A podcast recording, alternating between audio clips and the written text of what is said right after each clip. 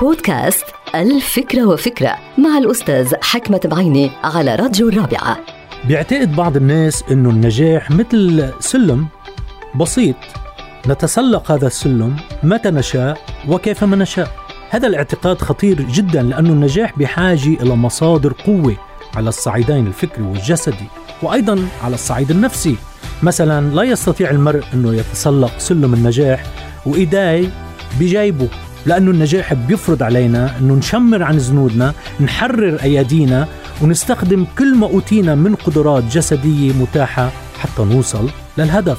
كمان هيدا السلم سلم النجاح بحاجة إلى تصميم وشجاعة وإرادة نفسية هائلة. يعني إذا أنت بتطلع على السلم وحاطط إيدك بجيبتك ما ممكن توصل لأنه أنت بحاجة لقدرات. ومن يتسلق هذا السلم حقيقة بهالطريقة بيشبه الإنسان اللي بيحلم اللي بيستلقي على ظهره وبيطلع بالسماء من دون أن يحرك قيد أنملة.